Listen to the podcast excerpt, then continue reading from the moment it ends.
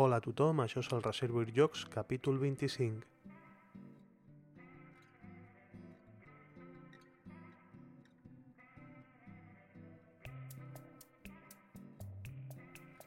Aquest capítol també és un, un especial d'aquesta sèrie de, de conferències que, bueno, que estan prèvies al, al Festival d'Au Barcelona 2013 i ja la setmana passada vam començar la conferència inaugural de, de l'Oriol Comas que es va fer al barri de les Corts i avui ens hem traslladat al barri de Sant Andreu Comtal a la Biblioteca Ignasi Iglesias eh, per escoltar el Màrius Serra, la, el, bueno, la parella lúdica que han fet tàndem un parell de vegades amb el Verbalia i amb la darrera novetat de Devir eh, l'Enigmarius i la conferència que presentava avui el Màrius eh, es titulava eh, Paraules en joc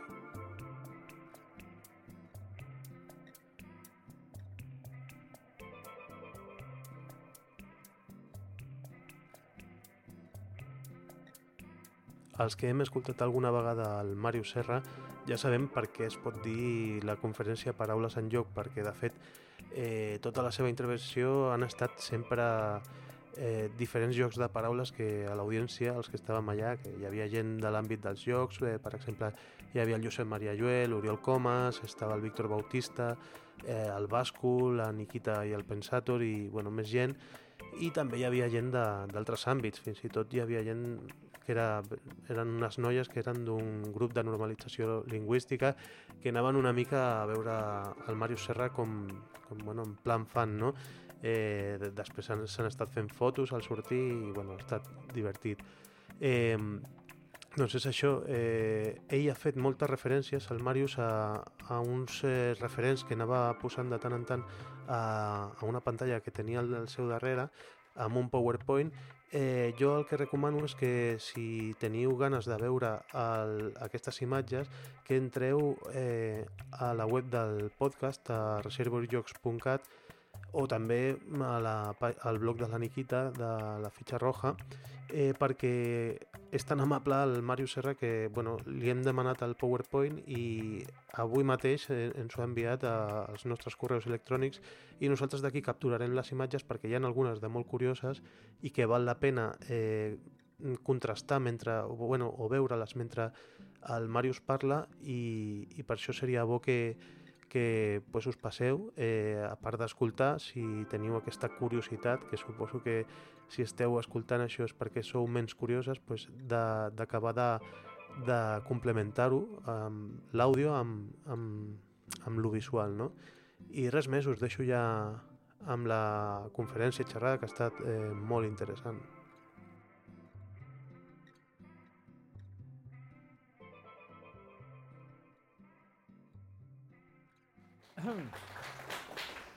Molt bé. Hola, hola. Sí, sí, això funciona. Molt bé. Molt bona tarda a tothom.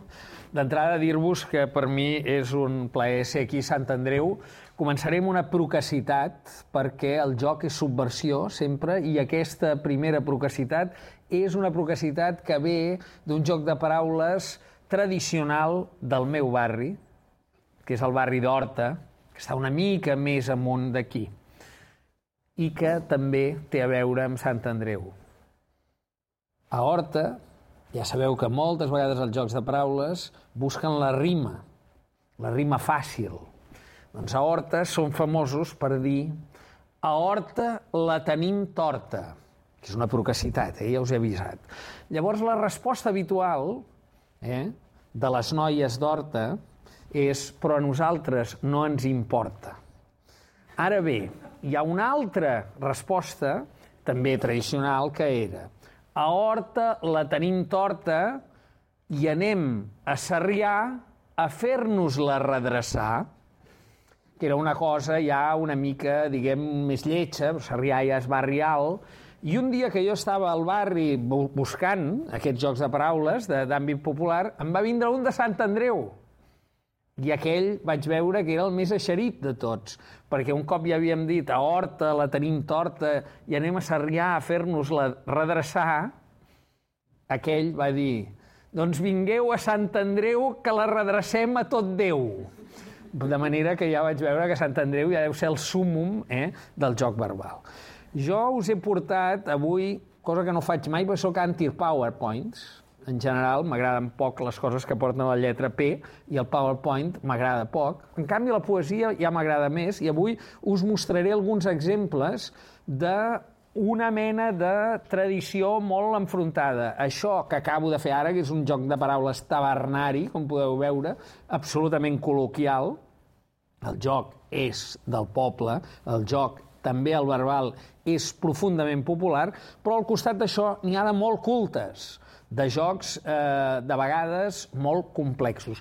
Jo voldria començar amb un llibre que m'acompanya i que ja que hem vingut a la biblioteca, diguem, el porto una mica trotinat, eh? perquè l'he fet viatjar per, per, per molts llocs, eh? i sempre el porto al damunt. És un llibre en francès que diu 100.000 miliards de poem de el Raymond Queneau, eh? que és un autor que molt apreciat, un poeta francès, que va ser expulsat del grup surrealista per André Breton, com gairebé tothom, perquè el Breton va expulsar tothom que no pensava com ell, va expulsar el Dalí, va expulsar el Miró, anava expulsant gent, eh? i en Raymond Queneau amb aquest llibre va fundar l'any 1960, i per tant fa 53 anys, ho sé del cert perquè jo sóc del 63, o sigui que en té 3, 3 anys més ell que jo. Eh? Estem igual de trotinats els dos, però anem pel món junts. No? Ell va fundar un grup de matemàtics i poetes que, partint d'aquesta idea de la literatura entesa com a joc, es va anomenar la literatura potencial, l'ULIPO, Ouvroir de literature potentielle, eh, el obrador o taller de literatura potencial. Aquest és el primer llibre i amb aquest farem una juguesca. Perquè hem vingut a jugar, eh? Jo tinc un superpoder que he desenvolupat a còpia de molts anys de fer conferències i anar pel món, i és que sóc capaç de calcular la mitjana d'edat del meu públic així, d'un cop d'ull. Ho farem com aquell de l'anunci que comptava cal calories, jo ho faré ara mateix davant vostre, eh? Atenció, un moment que em concentro.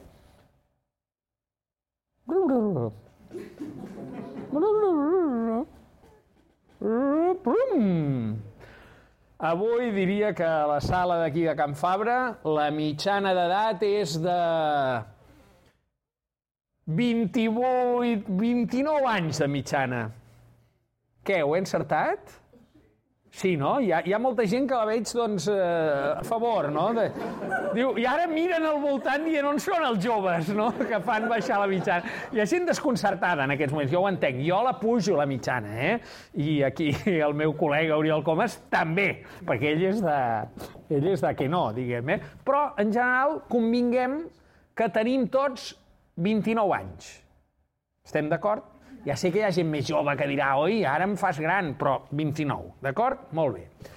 Una altra cosa que no us ha dit l'organització, perquè l'organització és molt sèria i no, no gosava, és que pel mer fet de venir aquí us heu compromès a una cosa, només una cosa, que és llegir-vos aquest llibre.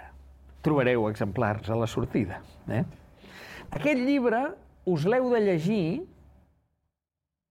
durant els propers 70 anys, durant 5 hores cada dia, durant 5 dies la setmana. Us deixo el cap de setmana de festa. Durant 50 setmanes l'any. Us deixo 15 dies, sabeu que l'any en té 52, us deixo 15 dies de festa també. I per què 70 anys? Home, doncs perquè si hem quedat que en teniu tots 29 i amb aquesta cara de salut que feu, està clar que nosaltres, com en totes les capses de jocs que hi ha del món, diu apte per a nens de 0 a 99 anys d'edat, no? Doncs nosaltres, pel mer fet de venir aquí, l'organització també us garanteix que viureu fins als 99. Si jugueu, eh?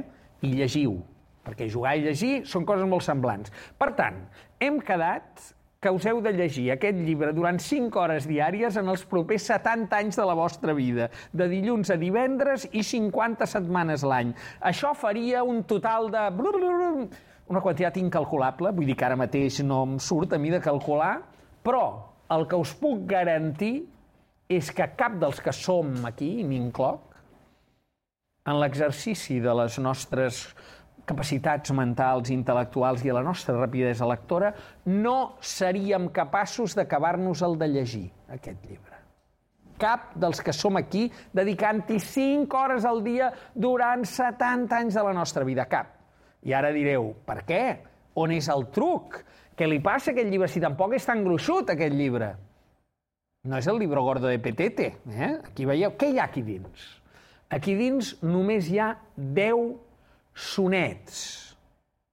Moment per a la nostàlgia, aquell moment que anàvem a classe de literatura davant d'aquella professora o aquell professor que ens tenia mig enamorats el dia que ens va passar la lliçó de sonet, que ens va dir A, B, B, A Recordeu, no era el grup de música ABBA, eh? no, era com acabaven els, tots els versos. La A que rimava el primer amb el quart, B, B, després hi havia C, D, D, C, i tampoc era C, D, C, etc.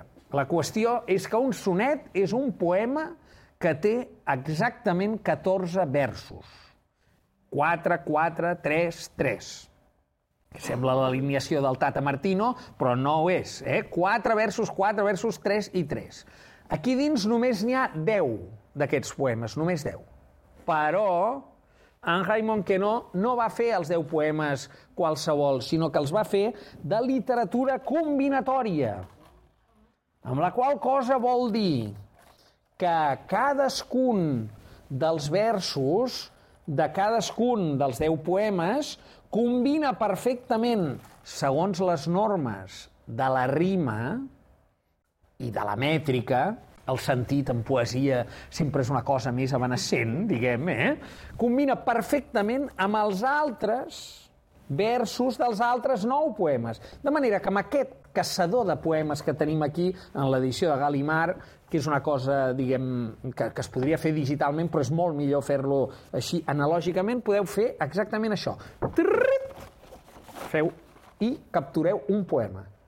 Llavors torneu a fer trrrit, és molt important fer trrrit perquè es caça molt millor, eh? Sense el trrrit, sense la banda sonora, no la cosa. I surt un poema diferent cada vegada, diguem que feu així, fins a arribar a 100.000 milions de vegades diferents, aquí tindreu un poema diferent.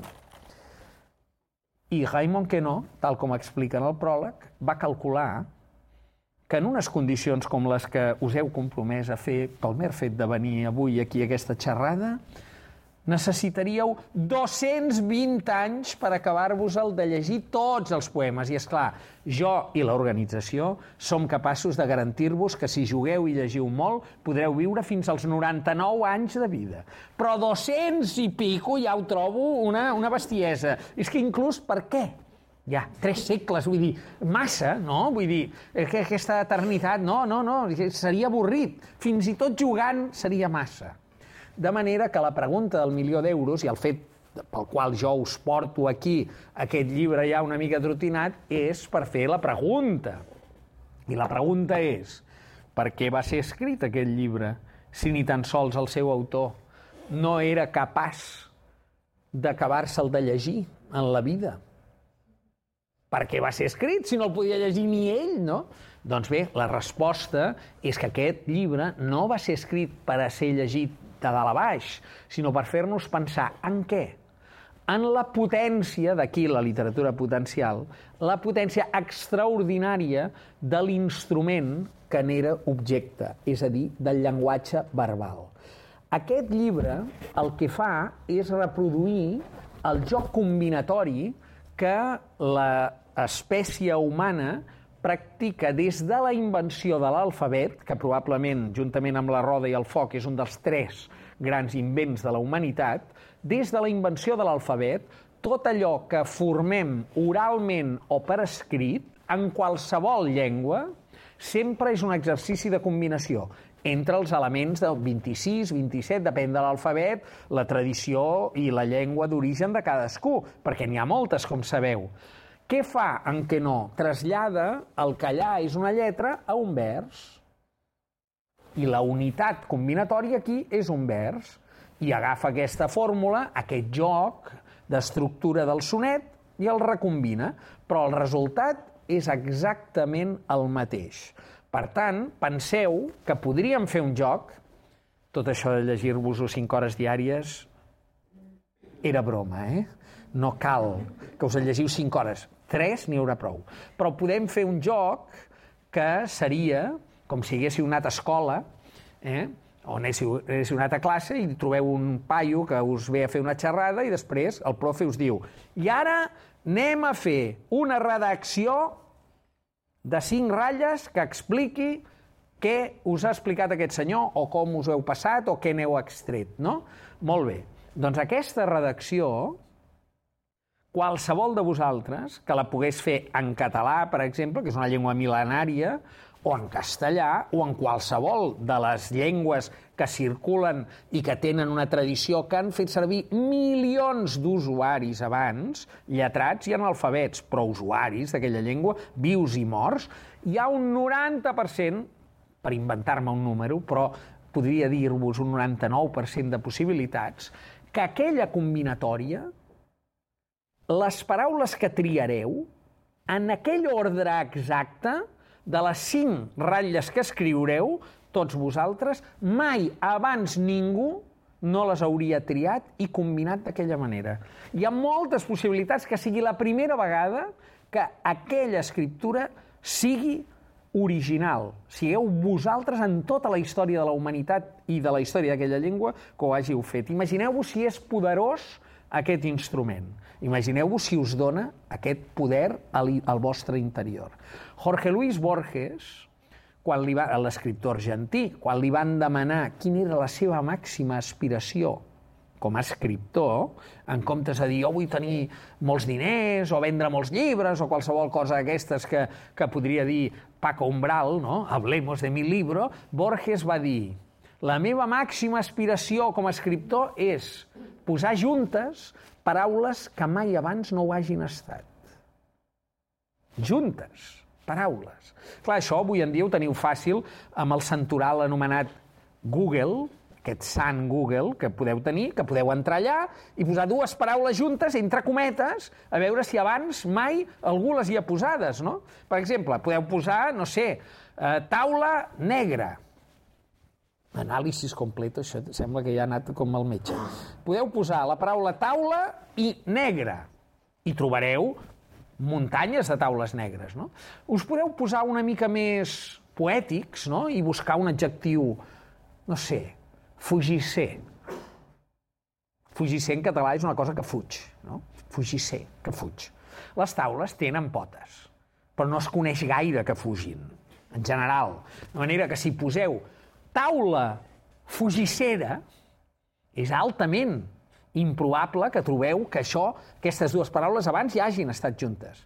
Ara, si algun poeta en un mal moment va posar en un vers una taula fugissera, no sé, poseu, per exemple, esternocleidomastoideu, que és aquest múscul que tenim tots, però només el coneixem els metges i els que fem mots encreuats, eh? però és aquest d'aquí, esternocleidomastoideu fugisser. Llavors sí que hi ha gairebé segur que no trobareu ningú que no hagi estat amb aquesta xerrada que ho hagi posat abans a internet. No? Quina valor tindria això? Home, poc.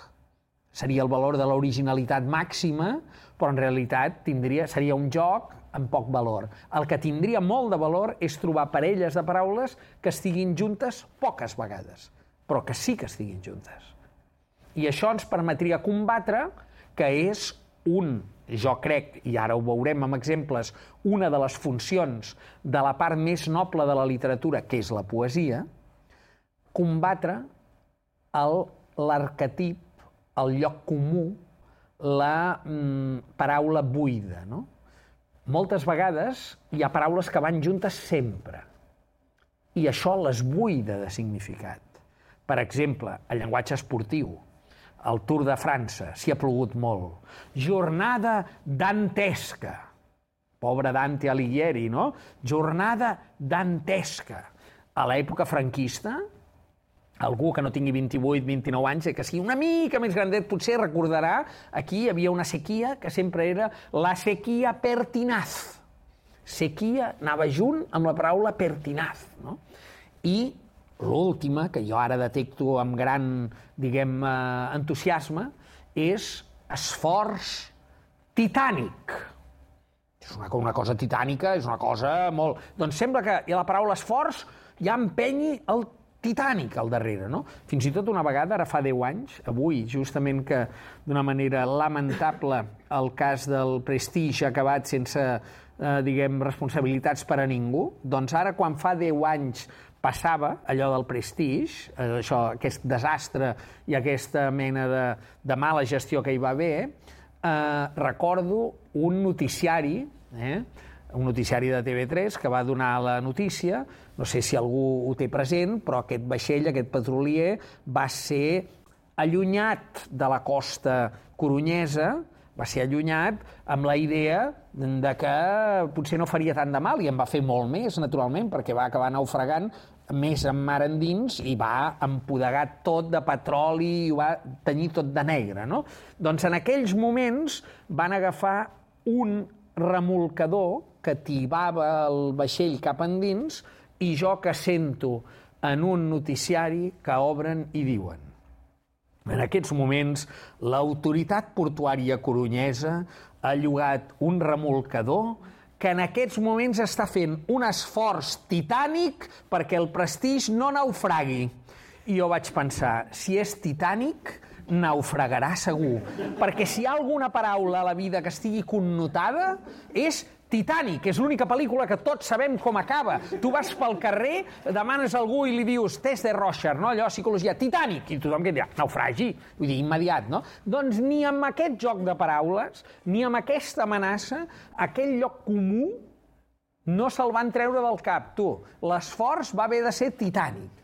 Contra això tenim la força de la poesia, tenim la força, en certa mesura, de la creació literària, i així és com jo us vull mostrar alguns exemples.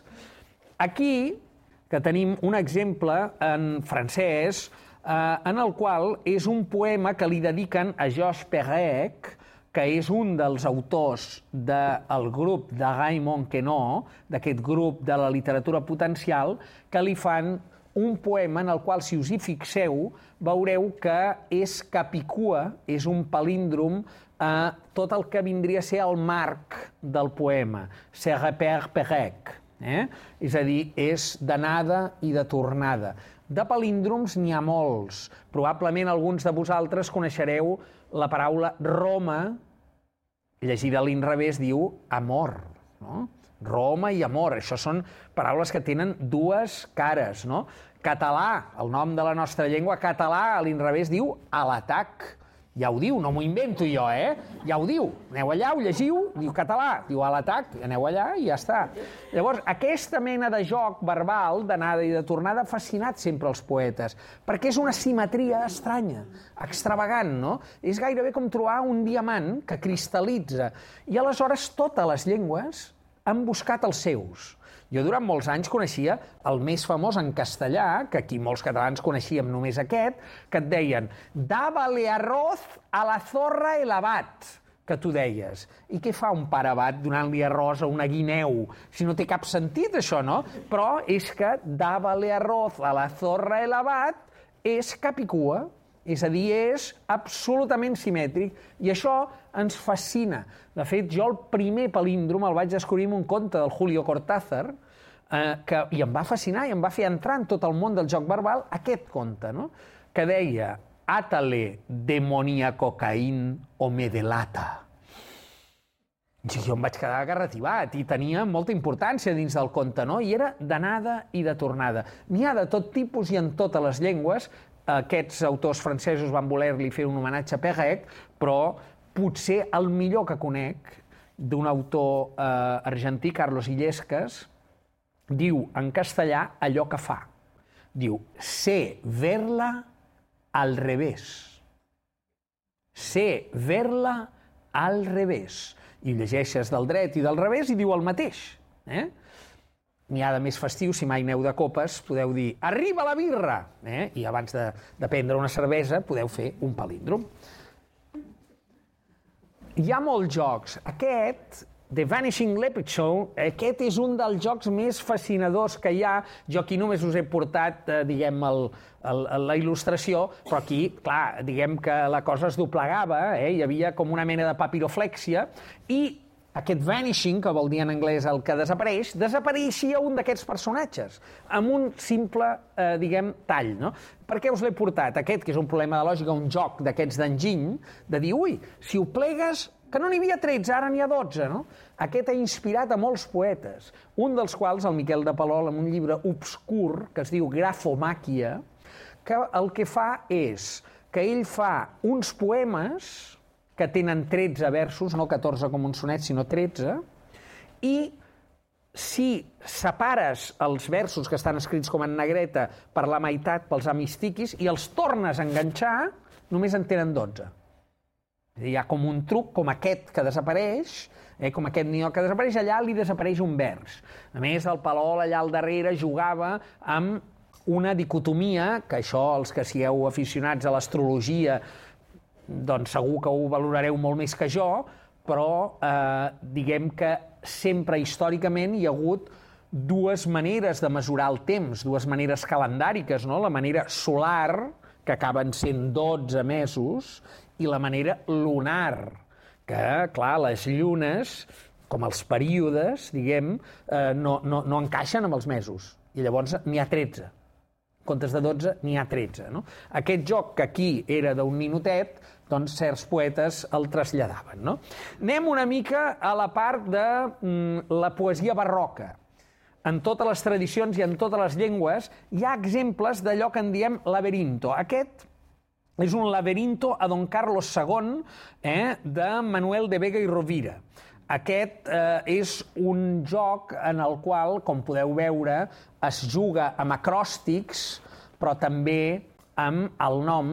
Normalment, els acròstics de tot tipus tenen diverses modalitats, no? En veurem diferents. Però el resum seria, o bé és un poema d'algú que està enamorat, i llavors posa el nom de l'estimada. Això potser alguns que ja teniu 28, 29 anys i us veig la cara de pillos, ho heu fet quan éreu més joves o adolescents, que us veu enamorar d'una noia o d'un noi i veu fer un poemet que començava amb les lletres del seu nom. I si es deia Maria o es deia Pere, doncs si es deia Pere era més curt el, el poema, no? Si us havíeu enamorat d'una eh, Maria de la Encarnació, posem pel cas, havíeu de treballar més. Però la idea és que cada inicial de cada vers es podia llegir després en vertical amb aquell nom. No?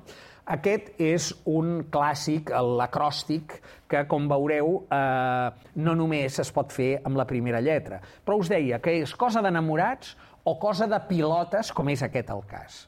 De pilotes vol dir de llepes, de eh, de, del tio que li fa, vaja, el, el, el que està fent-li la pilota al rei, normalment, o la reina, no? i que li està fent la gara a gara el poeta cortesà que li vol fer un regal, i vol quedar molt bé amb ell, amb el rei o la reina, i li fot el seu nom. No? I després també n'hi ha de subversius. De subversius, el més conegut, eh, que jo aquí no us el porto perquè és molt llarg, però el Verbàlia, en un llibre que vaig escriure que es diu Verbàlia, hi és sencer, és un poema en castellà que lluava a don Francisco Franco i Bahamondes, el, el dictador. Era un poema absolutament pro-franquista, però amb les inicials, si es veien, que, que ella estava en minúscula, però després et miraves, amb les inicials es podia llegir Visca Catalunya lliure.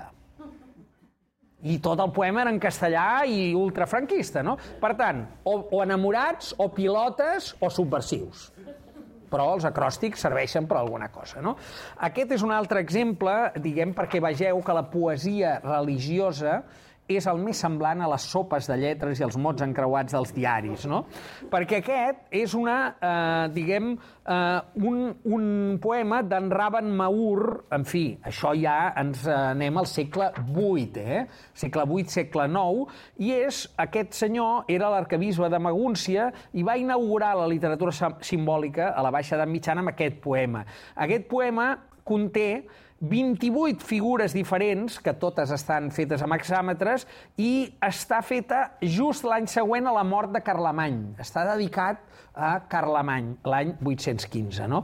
Eh, aleshores, aquí es pot llegir, a part del Cristo amb les, eh, la, la creu, diguem que hi ha missatges religiosos, però es pot llegir molts missatges en tots els sentits de la lectura. Però aquest, diguem, és d'una gran bellesa i gairebé és una obra plàstica, no una obra gràfica, però manté i conté aquest joc. Perquè vegeu que aquest tipus de jocs són molt antics, ara estàvem al segle IX, ens en anem ara a Astúries i ens en anem al mateix segle, concretament ens en anem a un temple asturià a Santianes de Pràvia. Aquesta mena de sopa de lletres que us he posat aquí eh, és el que s'ha pogut deduir que era el text inicial d'aquesta església que avui està derruïda. Però l'únic que es conserva és la part que està ratllada. Aquesta part, diguem, eh, que, que està aquí més marcada, és d'aquí han pogut deduir què hi deia el text. Per què? Perquè era un text, que jo ara us llegiré, eh, en el qual, eh, diguem, eh, eh, això diu Silo prínceps fècit, és a dir, el príncep Silo, em va fer construir. Aquest príncep Silo era visigot, o sigui, estem ja abans de l'any 1000, d'acord?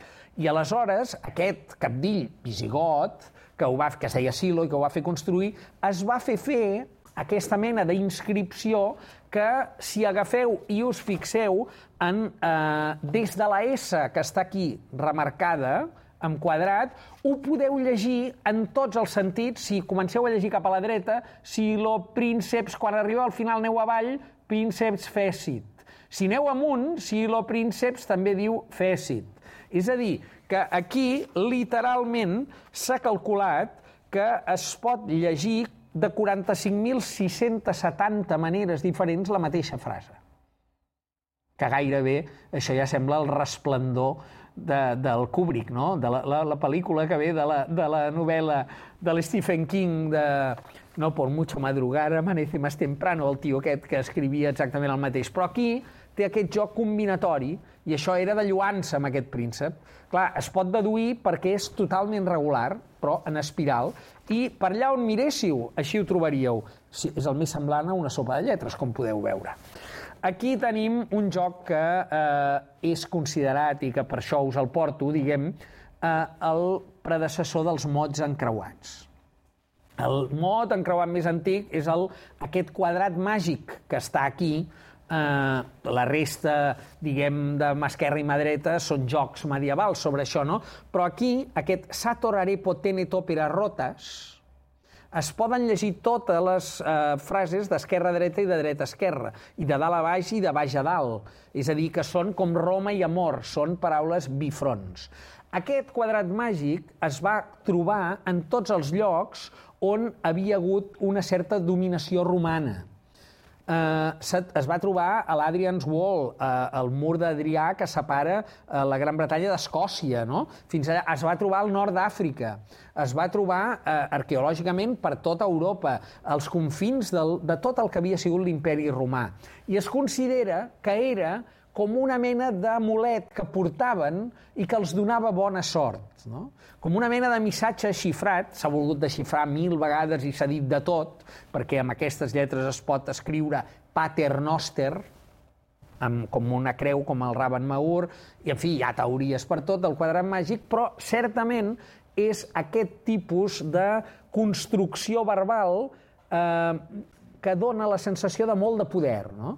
És del mateix eh, origen que l'abracadabra, que és triangular, abracadabra, que també eh, era d'origen religiós, però dels gnòstics. En aquest cas és els mots encreuats més antics que podem trobar sense quadret negre. Però el que té més interès és que aquesta mateixa construcció de 5 per 5 amb paraules, només una de les quals palindròmica, només una capigua, que és tenet, que és la que hi ha al mig, eh? Les altres són bifronts, és a dir, que tenen doble cara, doncs s'ha trobat també amb les llengües pre, eh, precolombines, s'ha trobat amb quichua, s'ha trobat amb llengües maies, també. I eh, penses que és la fascinació del número 5 que permet una simetria i permet fer aquesta mena de quadrat. No? ja per acabar-vos de marejar, aquí tenim eh, el sonet en forma de labirinto més, eh, que dona més joc de tota la història de la literatura catalana. Aquest és del rector de Vallfogona i és, eh, diguem, està dedicat, com podeu veure, a la, a la Teresa de Jesús, a la Teresa de Jesús. No? És un poema piu que es pot llegir, aquí està posat en un format perquè es pugui veure, eh, de mil maneres, en fi, mil, estan comptades, eh? però no només acròsticament, en vertical, sinó que també es pot llegir en diagonals. Inicialment aquest poema estava pensat per cobrir una gran torre i fer com si fos, eh, diguem, un gran tapís, un gran mural. I a cada aresta de cadascun de, de on veieu Teresa de Jesús hauria d'anar l'acròstic, no?, a cada banda. Però és un poema que podríem llegir en català antic sense adonar-nos-en. Aquesta és la grandesa, diguem, del joc poètic barroc. Aquí ens anem a un altre territori que jo em permetreu que sigui absolutament, absolutament sarcàstic. Eh? És un territori que parla de la creença i de la fe, de la fe, de la combinació. Això és The Bible Code, d'un periodista que era una revista nord-americà, el Michael Drosnin, que va dir que a la Bíblia estava escrita tota la història. I aleshores, posant la Bíblia, el, les paraules de la Bíblia en hebreu i, per tant, sense vocals, només les consonants, posant-les en l'amplitud diferent com una sopa de lletres, trobava missatges ocults. I aquí, concretament, eh, és l'assassinat d'Isaac Rabin, que ell va trobar. Clar, acte seguit d'aquesta poesia i mística, no, bueno, no, no el tinc aquí, però acte seguit, eh, un estudiós va agafar Moby Dick, la novel·la de Melville, la va posar amb el mateix programa que feia servir ell i va trobar l'assassinat d'Indira Gandhi. Per què? Doncs perquè amb la combinatòria dels elements sempre pots trobar paraules que puguin ser interpretables com dir jo trobaré aquí el futur. No? De manera que una cosa és jugar, una altra cosa és creure. Anem a la part interessant eh, més gràfica. Eh, de la màgia i la cre... entre la màgia i la creença hi ha la ciència. I la ciència lingüística ens porta la història de l'alfabet. La història de l'alfabet, de l'alfabet llatí, s'entén, eh, del qual us, portaré, us mostraré aquí les tres primeres lletres només, és una història que eh, està traçada a partir d'una escriptura de, mm, que, que tenia una vessant gràfica. No? Aquí teniu el bou, aquest signe del bou eh, és el signe que es deia alpu en les llengües eh, eh, sumèries, que d'allà va passar a les llengües semítiques i que pel principi que s'anomena d'acrofonia, com l'acrònim, com l'acròstic que ara veiem, li va quedar que la paraula que designava aquell signe, que era un bou, va acabar designant la lletra de la seva inicial. I aquell bou, que teniu aquí dibuixat amb més o menys gràcia, passant per tota la història dels alfabets, va acabar donant el nom a la lletra A. Però això torna a succeir, ah, m'he saltat la B i no sé tirar enrere, torna a succeir amb la Bet i ens anem a la Gimel, eh, que ve de la, del camell. Per tant, tota la història de l'alfabet gràfica podria ser traçada per dos principis. El principi del jeroglífic, igual que els de l'Ocon de Oro que podeu trobar en els diaris, per tant, un joc entre un signe que dibuixem i la paraula que designa aquell signe, i després el principi de l'acrofonia, que és agafar i quedar-se només amb la inicial. Perquè penseu que l'exercici d'abstracció que va de dibuixar bous a les coves d'Altamira a dibuixar lletres, és brutal, és una història d'una gran abstracció. Perquè anem a una qüestió, diguem, probablement més picantona, veureu que els jeroglífics dels que us parlava ara tenen una tradició que neix a la Picardia. La Picardia és una regió francesa, eh? a part de designar les coses picardioses. Jo us n'he volgut portar només un perquè vegeu quin joc s'hi donava. No? Aquí tenim clarament una monja, mmm, vaja, una religiosa, que fueteja amb una cara, en fi, indesxifrable, el cul d'un abat, diguem, no? Eh, és a dir, que el castiga o li pega, no? Llavors resulta que aquí va néixer, per carnaval i amb voluntat carnavalesca, un joc que després és altament sofisticat, que és el joc dels jeroglífics. Però aquí era interlingüístic, a més a més, perquè amb una frase que jo ara diré, amb el meu mal francès, que descriu això que veiem, se'n formava una altra en llatí, que era la resposta del jeroglífic, no? De manera que la frase aquí era nonne, nonna, vaja, la monja, nonna haver bat o cul i un signe més, os. L'os és aquest os que els hi convenia perquè ja sabeu que els jeroglífics sempre apareixen coses molt estranyes, però és que fa falta no? per la frase. Per tant, la frase en francès non ave bat au cul os, en llatí donava non bat oculos. I la resposta és que no tenia ulls. Eh? Aquesta era la resposta complicada. Al costat d'això, els meus enigmes estan tirats, eh? Diguem, la cosa, la tradició era molt, molt sofisticada, però venia justament d'aquest tipus de, eh, de jeroglífics, no? I eh, l'últim jeroglífic que tenia per mostrar-vos, perquè veieu que de vegades de la picardia eren molt antics, però que els artistes, eh, diguem, eh, més contemporanis el van fer més senzill, és aquest eh, dibuix de Duchamp, el que teniu amb una senyora i un ocell que eh, és un, diguem, un ocell que està enfocat cap a les seves parts sexuals. I això, la resposta era el faucon, és a dir, un falcó o un fals cony, en aquest cas, ja em perdonaran la grulleria inherent al propi jeroglífic, per tant, ho exigia el guió, eh? diguem, ho demanava el guió. El joc verbal, per tant, sempre ha estat totalment a prop del joc jeroglífic. Ara bé, moltes vegades aquest joc gràfic i aquest joc visual ha vingut acompanyat d'un joc fonètic i quan aquest joc fonètic, diguem, eh, l'hem hagut d'entendre, com ara ens ha passat, hi ha una distància molt elevada entre la homofonia que podem entendre del llatí i del francès que us posava i la nostra parla actual. No? Això transforma el joc verbal en un fet absolutament viu i en mobilitat total. És a dir, que no queda mai fixada. Per demostrar-ho, intentarem posar algunes proves. La primera, per fer la primera necessito això que porto aquí a la butxaca i que suposo que seran capaços d'identificar. Aquest és un fòtil bastant modern, diguem, el qual anomenem mòbil. No sé pas per què, perquè no es mou. Podríem haver dit portàtil, perquè el portem, però resulta que portàtil ja estava agafat per aquesta altra, eh? diguem, de manera que en vam dir mòbil. Molt bé, cada llengua en diu o n'ha dit, perquè això és una cosa molt recent, tots els que teniu entre 28 i 29 anys sabeu que fa 10 anys això gairebé no existia, no? Quan en teníeu 18 o 19. Doncs bé, cada llengua se n'ha sortit com ha pogut. Nosaltres en diem mòbil, però en italià, per exemple, en diuen telefonino, perquè és petit, o cellulare, no? Molt bé. Nosaltres diguem-ne mòbil. Ara us posaré una prova que haureu d'efectuar un exercici mental que té una certa dificultat. Es diu flashback. Haureu de tirar enrere 10 anys. És a dir, haureu de recordar quan en teníeu 18 o 19, més o menys. Eh?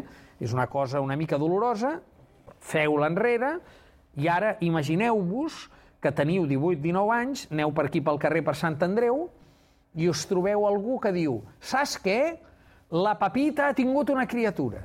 Ah, sí? Molt bé. I què heu fet? No, si l'he anat a veure avui i li he portat un regal. I què li has regalat a la criatura de la Pepita? Un mòbil. Què hauríeu pensat fa 10 anys? Que li havia regalat un d'aquells estris que es posen els bressols, que van fent tiruriruri, normalment la cançó de bressol de Brahms, perquè la criatura ja es vagi educant en les bones melodies, no? Brahms amb H intercalada, sense H ja els posa el nen, els Brahms, eh? Brahms, el compositor, vull dir. Molt bé. Doncs aquest mòbil de fa 10 anys, avui, si passeu d'aquest flashback i torneu cap aquí, i ens tornem a trobar la Pepita o algú pel carrer el 2013 i li diem avui he anat a veure i li he portat un regal a la filla de la meva amiga i no sé què, i què li has regalat? Un mòbil, us diran, un telèfon tan petita, és que ja neixen endollats o què, què, com és això? I us fotran un, segurament un discurs tecnòfob, no? diguem, contra les tecnologies. Què ha passat aquí? És la mateixa paraula, és la mateixa llengua, és la mateixa situació comunicativa. Què ha passat? Han passat 10 anys que no ho heu notat vosaltres. Jo sí, eh? fa 10 anys jo aquestes metges no me les pintava, no? Només amb 10 anys una paraula s'ha capgirat totalment, no? Ara anem a la cartera. Cartera sempre delicada, plena o buida de bitllets. Pensem en com parlem de la pela és la pela, les pessetes. El que no són pessetes no són punyetes. La pela. Quants anys fa que no n'hi ha de pessetes? Quants anys fa que no corren? Però heu sentit dir mai algú oh, és que els catalans són molt de l'euro. Eh que no? catalans són de la pela, la pela, eh? Heu anat a fer mai un, un sopar, diu, això són sopars de duro, o duros a quatre pessetes. Heu sentit mai alguna cosa de l'euro? Heu sentit mai que un dia, aquest tio és molt passatero, que li heu dit, aquest tio, aquest tio és un aurero, ja es veu que no. Què ha passat aquí? Bé, ha passat que tenim incrustada una tradició, perquè la llengua és memòria històrica, una tradició de sentit que la realitat va canviant i ella no, ella es queda allà, no? Quina paraula ha sorgit amb l'euro? Milaurista, per exemple. I és bastant il·lustratiu que sigui milaurista. Diu molt del temps que vivim, no? En canvi, si mirem enrere, veiem que ja abans de la pela parlàvem i dèiem aquest tio té molts quartos, aquest tio. Quartos. O això val quatre xavos. Xavos. Això ve de los cuartos i los octavos reales. Això ve del segle XIX. Això ve de, de monedes antigues. Mon àvia es deia, té molts cèntims, aquest senyor. Bé, cèntims en aquella època ja ni n'hi havia, ara ni torna haver cèntims d'euro, no? Però els cèntims, no? Què vol dir això? Que la llengua comporta una contradicció meravellosa. D'una banda, és un arxiu de memòria històrica extraordinari, i d'una altra banda, s'adapta totalment a la realitat. La llengua és un ésser viu que evoluciona constantment. Jo fa relativament poc vaig llegir el diari que hi havia a Montjuïc la Fira del Single, no? I jo, que tinc una edat, no tinc 28 anys com tots vosaltres, sinó que ja en tinc una d'una mica més avançada, encara guardo el tocadiscos a casa. I vaig pensar, calla, anirem a la fira a comprar discos d'aquests antics, els singles petits, i vaig anar a la fira de Montjuïc i no hi havia ni un punyetero disco, perquè resulta que ara els singles són solters. Però solters amb un cert poder adquisitiu, eh? Si no, no ets single, ets un conco i no et vol ningú, eh, diguem. Però si ets single vol dir que allà hi havia una fira, hi havia de tot allò per anar a sortir llits petits, tot era petit, o de tant en tant fer un creuer a veure si el, de tant en tant els singles feien algun partit de dobles, no? També, no? Però allà de discos no n'hi havia ni un. Què havia passat? Aquí havia hagut una suplantació d'aquella paraula, no? Hi havia hagut un autèntic canvi eh, de referents en això. I això us ho trobareu per tot arreu. La baixada de bandera del taxi què és una baixada de bandera al taxi? El que et cobra un taxista per no endur-te enlloc, no? Només puges. On és la bandera? Busca-la. Abans sí que n'hi havia. Això era llenguatge descriptiu, literal, perquè hi havia una bandera i hi havia un taxímetre i quan, que deia libre eh, i que quan entraves, pum, la baixaven i començava a córrer allò. Avui tots són botons. Però la baixada de bandera encara te la cobren, eh? Es diu així encara a un nen l'envieu, el que em deia a mi mon àvia per educar-me bé quan anava al lavabo, de dir, nen, quan acabis al lavabo, tira de la cadena. Avui en dia, amb un nen, on és la cadena? Normalment tots són botons, palanques, i en canvi la llengua manté aquesta mateixa tradició, no? És una cosa absolutament contradictòria. El millor és que l'arxiu de memòria històrica que comporta el joc verbal i el domini verbal té una potència incalculable. És l'arxiu més portàtil de tots els que podem portar a sobre. I només us en posaré un exemple abans d'anar a l'últim poema que us vull llegir. L'exemple ve de l'anglès. Si algú de vosaltres coneix mínimament una mica l'anglès, sabrà que en anglès la carn dels animals té un nom i l'animal, quan és viu, en té un altre. Per exemple, un porc viu és un pic, pic. Però la carn de porc és porc, amb K, com en català, però amb K. Això passa amb totes les bèsties. Una vaca viva és cow, però quan és morta la seva carn és veal. Un bou viu és ox, la seva carn és beef, beef steak, bistec normalment amb patates, oi? Tots ho coneixem. Doncs tots els animals els passa el mateix. I ara direu, carai, que curiosos, no, aquests anglesos? Sí, sí, curiosos. Això, memòria històrica, que ens porta no al 1714, no, al 1066, segle XI, Norman Conquest, la conquesta normanda. Arriben els normans a la Gran Bretanya i a tot el poble saxó que troben allà els conquereixen i els subjuguen. A partir d'aquell moment, qui creieu que continua tractant, convivint i cuidant el bestiar? Els saxons, que parlen una llengua d'origen saxó, com pic. I qui creieu que es fot la carn d'aquell bestiar a les taules dels palaus i dels, i dels castells? Els conqueridors imperialistes normans, que parlen una llengua d'origen llatí. Per tant, pic, per tant, porc. Aquí, en aquesta dicotomia, teniu mil anys d'història, en un simple joc de paraules. Vull acabar llegint un poema i explicant una altra experiència eh, que reforça la voluntat del joc i la voluntat de la llengua com a ésser viu que evoluciona constantment. El poema que vull llegir és un poema eh, de Fray Luis de León, que és un poema que acaba amb eco i que demostra que ja en el segle XVI aquest joc, eh, diguem, de la homofonia eh, tenia fins i tot practicants en la poesia religiosa i la poesia seriosa. Fa així, és un sonet i fa així. Mucho a la majestad sagrada agrada que atienda a quien está el cuidado dado que es el reino de acá prestado estado, pues es al fin de la jornada nada. La silla real por afamada amada, el más sublime, el más pintado hado, se ve en sepulcro encarcelado, helado, su gloria al fin por desechada echada.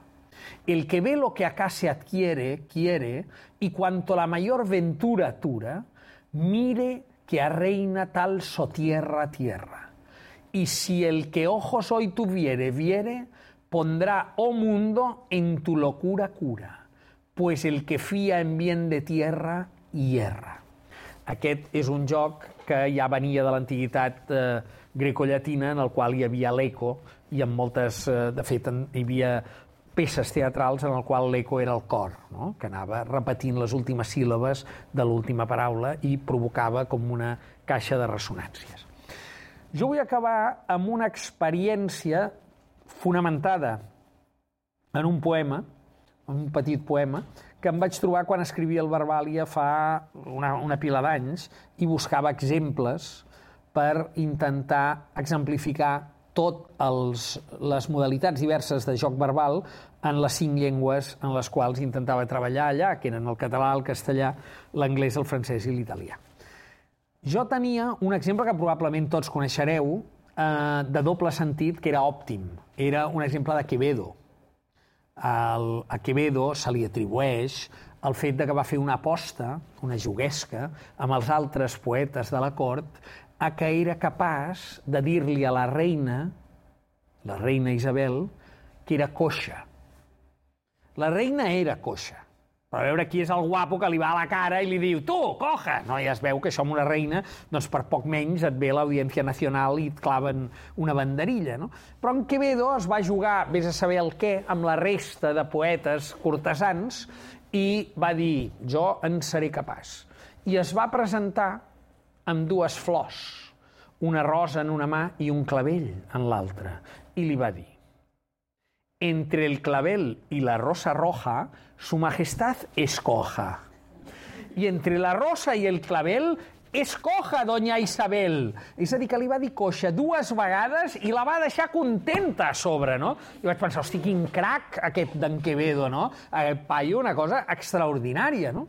Bé, la qüestió és que jo estava buscant un exemple equivalent en català i em costava tenia alguns amb dobles sentits, de dir el nom del porc, en fi, ja hi havia coses, no? Però no acabava de trobar. I llavors, en Tisner, la Valia Artigener, que va ser un escriptor català eh, que va, es va exiliar a Mèxic eh, quan la Guerra Civil i va tornar aquí als anys, als anys 60, finals dels 60, i que va ser el pare, entre altres coses, dels mots encreuats en català i un escriptor d'un gran enginy.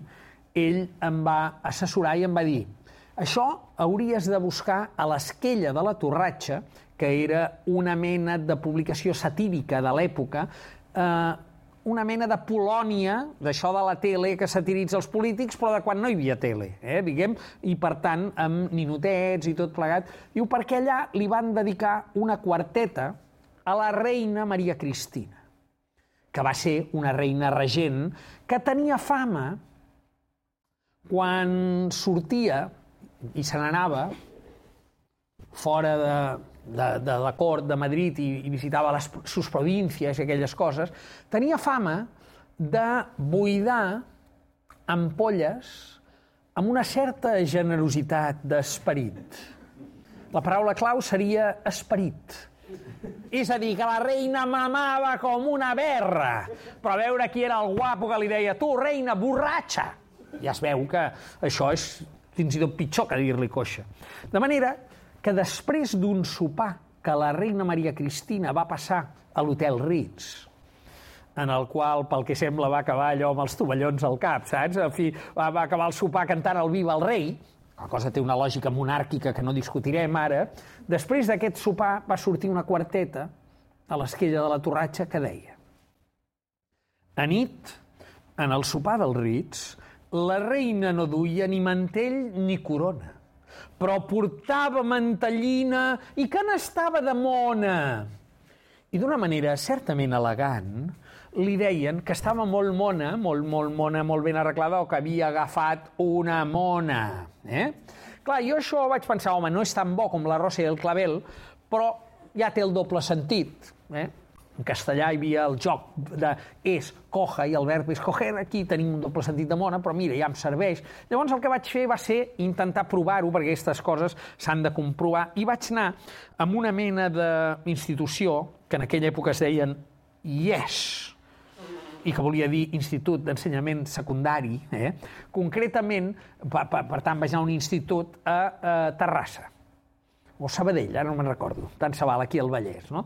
I allà em vaig trobar amb 300 persones d'una edat mitjana que, a diferència d'aquesta nit que hem quedat, que la tenim de 28, 29 anys, allà l'edat mitjana era de 14, tots, menys els profes, tots de 14 anys, no? Allà ben posats. I a veure, aquí qui més qui menys, tots hem tingut 14 anys, no? I tu saps que quan ve un senyor al teu institut explicar-te coses, i tu tens 14 anys, tu tens un interès extraordinari, no? Jo això ho notava, no? Jo ho veia en els ulls d'aquella canalla, aquells 300 parells d'ulls em miraven fixament, no? Estaven fixant-se en mi i més enllà, fins i tot, no? Jo els tenia tots allà. Mira, calla. I llavors els hi vaig explicar entre la rosa i el clavel su majestat escoja, i d'aquelles 300 animetes, una noia va fer eh, una. Que vaig dir, home, com a mitjana és més aviat baixa, però no ens desaniméssim, no? Els profes anaven rient per sota el nas. Llavors vaig pensar, calla, i després jo els hi anava explicant, i llavors en català els vaig explicar això i vaig dir d'entrada, primer problema, Reina Maria Cristina. Com els ho explico jo ara amb aquests nanos? I vaig tenir una il·luminació allà mateix i vaig dir, calleu, imagineu-vos, era una paia, una reina i tot això, i mireu si va arribar a ser important que fins i tot allà a Barcelona li han dedicat una parada de metro a la línia verda.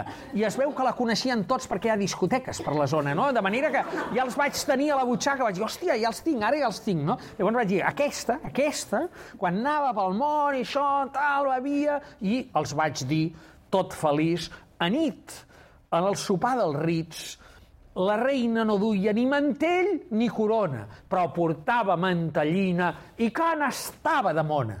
Silenci sepulcral. Ni la noia del... Eh, tampoc. I jo vaig pensar, hòstia... Clar, el primer que vaig pensar va ser dir, carai, quina generació més sana, aquests joves, no? Pugen, no veuen. Són la generació del trinaranjos, la del cacaolat, no? Vull dir, i tal com ho anava pensant, ja deia, Màrius, no vas bé, no, no, no deu ser això, de manera que pregunta per si de cas, llavors vaig agafar i vaig demanar, a veure, algú de vosaltres sap què vol dir agafar una mona? Uh, silenci, sepulcral. Pla B, que cal tenir un pla B i un pla C, sempre, no? Pregunta, a veure, si mai veieu algú, algú, eh, que no coneixeu, diguem, que va pel carrer allò que ha begut una mica i va fer nesses i tot això, com en dieu? Llavors tots vaig veure, home, vaig veure que en sabien un munt d'apel·latius, no? Eren uns experts en la matèria. Però, per exemple, el, que, el primer que van dir diu que va taja. Va que va taja. Hi havia una variant, que era totaja què és més? Ja està quatre grapes, no? Una cosa ja totaja, no? I vaig dir, hòstia, doncs una altra, que porta una merda com un piano. I vaig dir, hòstia, tampoc no cal, jo, vaig, jo estudiava piano i a mi m'agrada, no hi ha cap necessitat, no?, d'això. En fi, que porta un pedal, o un globus, o tal. Va haver un que va dir que era de Vic, que va dir que porta un tauló. Dic, un tauló? Diu, sí, perquè com que pesa vas fent esses, no? En fi, una cosa extraordinària. Hi havia una gran varietat de sinonímia, no? I vaig veure que eren uns experts en la matèria, però ningú sabia què volia dir agafar una mona. Allò em va portar a dues conclusions, una d'àmbit general, d'una importància relativa, i una d'àmbit particular molt més important, la d'àmbit general era refermar-me amb la idea que he intentat transmetre-vos avui a través del joc de dir la llengua és un ésser viu, que evoluciona constantment.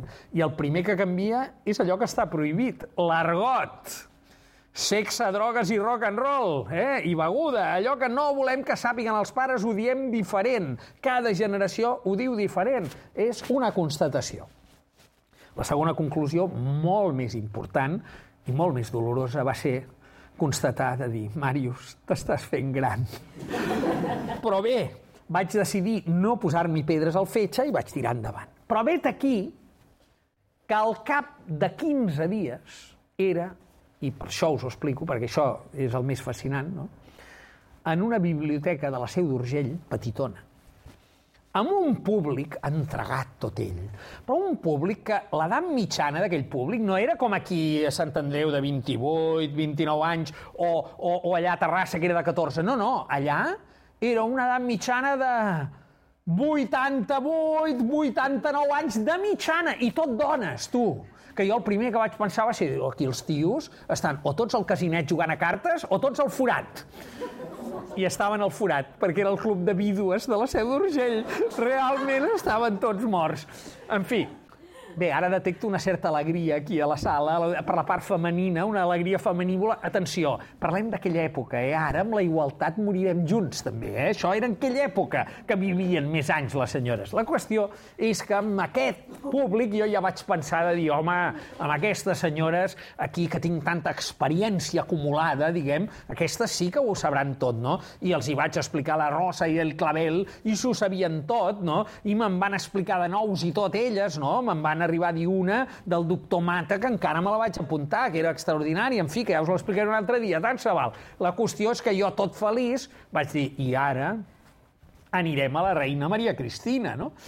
I a l'entrada vaig patir de dir, hosti, clar, aquí el truc de la parada de metro no et servirà aquí, perquè som a la Seu d'Urgell, no agafen gaire el metro, però no va caldre, perquè em van dir que era de la seva època, que ja la coneixien, no?, la reina, de manera que ja vaig sentir-me bé i llavors vaig agafar, els vaig explicar tot i els hi poso el verset i començo.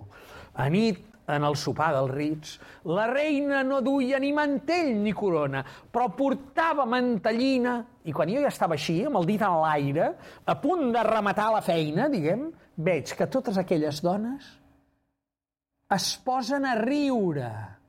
Acord que vols, que diria mon àvia, o que es partia la caixa, que diria la meva filla, no? I jo vaig pensar, hòstia, però de què riuen si encara no ho he dit? Si encara no he dit res d'agafar la mona, de què riuen aquesta... Fenòmens paranormals, no? Vaig pensar, de manera que vaig agafar una de les senyores de primera fila, que és el que faig sempre, diguem, de preguntar als de la primera fila, i li vaig dir, escolti senyora, vostè de què riu exactament? I se'm va quedar mirant amb una mirada que no he oblidat perquè han passat 15 anys i encara me'n recordo com si fos ara, una mirada com aquell qui diu aquest xitxarelo, aquest mitja merda, aquest iogurín, aquest bollicao, no?, que em mirava i em va dir, escolti jove, que quan et diuen jove, malament rai, eh? Escolti jove, és que portar una mantellina vol dinar borratxa. I allà em vaig sentir jove, realment. Em vaig quedar garrativat. M'estava passant el mateix que a Terrassa, però a l'inrevés. Resulta que el vers que jo havia recuperat de l'esquella de la torratxa li deia borratxa a la reina dues vegades, que portava una mantellina i que estava molt mona. Però, és clar, jo això de portar una mantellina no ho havia sentit en ma vida. De fet, amb els nanos aquells de 14 anys, els hi hauria hagut de posar un PowerPoint com aquest amb una mantellina, no? Nois, this is a mantellina. Però jo encara amb una àvia sé que una mantellina era aquell mocador que es portaven les dones per anar a missa i que es tapaven els cabells i que era translúcid. Translúcid, mai opac, no? De manera que té un sentit lingüístic evident que portar una mantellina vulgui dinar borratxa, perquè si t'imagines una mantellina davant dels ulls d'algú com si fos la borla d'un legionario, no? diguem, ja veus tu que li enterboleix la mirada. El llenguatge sempre té un inici que el pots traçar. És després que es fa figurat, no? Vol dir que allà vaig constatar una cosa molt important que és amb la que m'agradarà acabar aquesta xerrada d'avui. Vaig tornar a constatar que la llengua és un ésser viu que evoluciona constantment, que les paraules estan en joc cada matí, cada vegada que algú se les posa a la boca, i per tant que no podem donar res mai per descomptat, que el futur de les llengües som els seus parlants, que no té cap mena d'importància quants anys fa que parlem una llengua o deixem de parlar-la, que l'única importància és la voluntat que tenim d'utilitzar-la, d'usar-la, i que ens la podem fer nostra, aquesta i tantes com vulguem, sempre que vulguem. I, a més a més, vaig constatar una altra cosa molt més important, i és perdre la por a la correcció. Això és correcte? Això és incorrecte. En qualsevol llengua hi ha d'haver correcció. Aquí on em veieu, jo sóc membre de l'Institut d'Estudis Catalans i, per tant, sóc un senyor acadèmic. Ara bé, la correcció és la fotografia fixa de l'estat d'una llengua en un moment determinat. I la història d'una llengua és una pel·lícula que està en moviment i la fem els seus parlants. I evolucionem. Què vol dir això? Que quan jo em vaig deprimir a Terrassa mirant els ulls d'aquells paios de 14 anys, que si arri... jo no sóc un ésser violent, eh? gens, però si arribo a tenir una motosserra elèctrica, començo a tallar colls, com, com és que no saben què vol dir agafar una mona? Ho trobava intolerable. On anirem a parar, no? Eh? Doncs de sobte, jo era aquell nen davant dels ulls d'aquella iaia perquè jo no sabia què volia dir portar una mantellina. I aquella cura d'humilitat, aquell canvi de perspectiva que em va permetre aquest simple episodi de joc de paraules és el que jo intento transmetre i el que crec que intentem transmetre tots aquells que gaudim dels jocs, del joc verbal i dels jocs en general, que és que som capaços de ser civilitzats. Per què? Perquè som capaços de fer un pas enrere i de donar-nos que les convencions, que moltes vegades són meravelloses, perquè si no hi hagués un codi de circulació ens mataríem tots pels carrers, són convencions. I com que són convencions, les podem canviar. Tots els jocs tenen regles. i tots els bons jugadors mai no fan trampa. Sempre les segueixen les regles, però no per això funden una religió sobre aquelles regles. No per això transformen unes regles, una convenció, en una cosa intocable, en una cosa sagrada, en una cosa que imposem a la resta. La llengua, i des d'aquesta humil perspectiva del joc ho té clarament, és un ésser viu i és una font de plaer.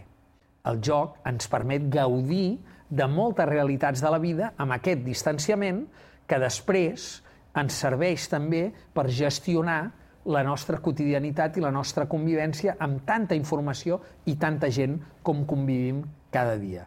Per tant, com acostuma a dir sempre que acabem un acte conjunt el meu company i amic Oriol Comas aquí present, jugueu, jugueu una mica que sereu més feliços, no s'acabarà el món, jugueu i feu altres coses també, eh? Feu altres coses, mengeu, estimeu-vos, feu el que considereu més oportú en la intimitat o en públic, però no deixeu mai de jugar, no deixeu mai de treure aquell nen que sempre hem tingut dins i que ens permet relativitzar una cosa perquè ens apassiona.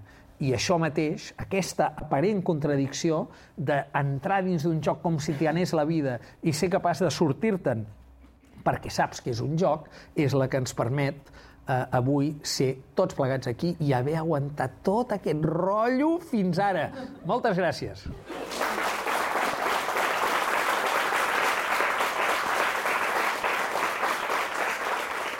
De rotllo res, que hem estat allà, hem estat gaudint molt de, de la xerrada. No pot dir al Màrius, no li permetem des d'aquí que digui que ha estat un rotllo perquè bueno, la gent reia, com heu pogut escoltar, i bueno, hi havia dites i, i juguesques així amb, amb, amb la llengua que ens han agradat moltíssim. I res, només dir que, bueno, que el Màrius ens ha semblat un tio collonut, eh, només eh, amb el tema de demanar-li el, el PowerPoint i que ens ho passi a mi i a la, i a la Mònica, a la Niquita, en, en només unes hores d'acabar la, la conferència mm, demostra el seu tarannà que, que no és una persona d'aquelles geloses que es guarda lo seu i no ho vol compartir i, i res, que ens agrada dir-ho perquè si hi ha coses que ens agrada doncs ho fem saber.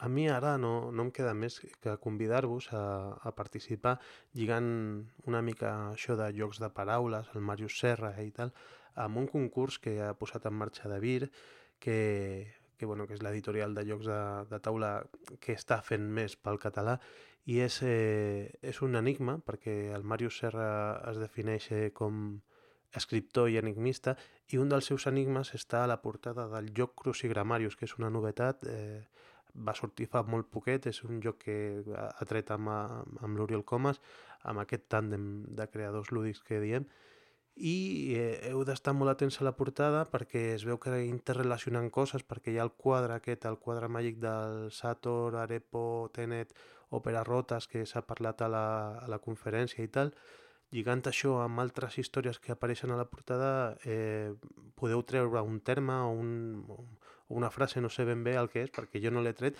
em consta, perquè a la Devil Fest ja hi havia rumors de, de que sí que hi ha gent que ja ho té i que ha enviat la resposta correcta, eh, són molt bons jugadors perquè, perquè no ho comparteixen, estan competint pel premi perquè són 1.000 euros en jocs del catàleg de Devir i res, jo si encara no us havíeu assabentat de que hi ha aquest concurs, eh, us convido a participar. I ara sí que m'acomiado de veritat, però us deixaré amb una cançó que bueno, té una certa relació amb el podcast, una, una relació de contrarietat amb aquest episodi especial de, de jocs de paraules i relació de contrarietat vull dir que, que bueno, podeu estar amb mi que al contrari de les paraules són els silencis, no? I és que he trobat una cançó eh, que va ser banda sonora de, de la mítica pel·lícula El silenci dels anyells està lligat així una mica patillero, però bé, la cançó val molt la pena, és eh, la cançó Goodbye Horses de Q Lazarus, però efectivament els podcasters tenim la limitació de que no podem posar cançons amb llicència comercial perquè ens podria caure el pal de les GAE i hem trobat eh, un cover, una versió que fa Brad Sachs, que és ja un, un artista bastant conegut en el món del Creative Commons, que sí que ha fet aquesta cançó, el Goodbye Horses, amb llicència Creative Commons.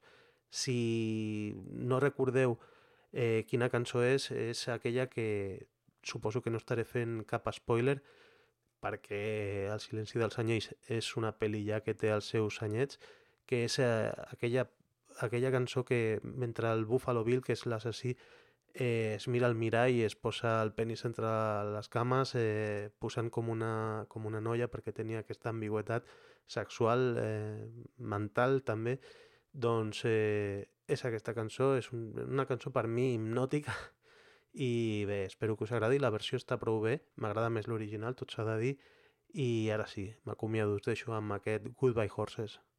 You